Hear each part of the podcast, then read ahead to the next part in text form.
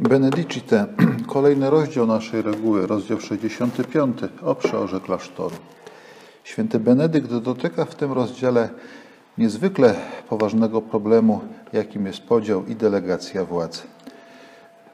Odpowiedni podział i odpowiednia delegacja władzy, czy mówimy o rodzinie, czy mówimy o naszych środowiskach pracy, y, opiera się przede wszystkim na wzajemnym zaufaniu i celu, który jest wyższy ponad nasze osobiste ambicje, a mianowicie y, opierający się na tym, że chcemy służyć dobru wspólnoty, do której należymy. Czy będzie to rodzina, czy będzie to klasztor, czy będzie to wspólnota parafialna, czy zakład pracy.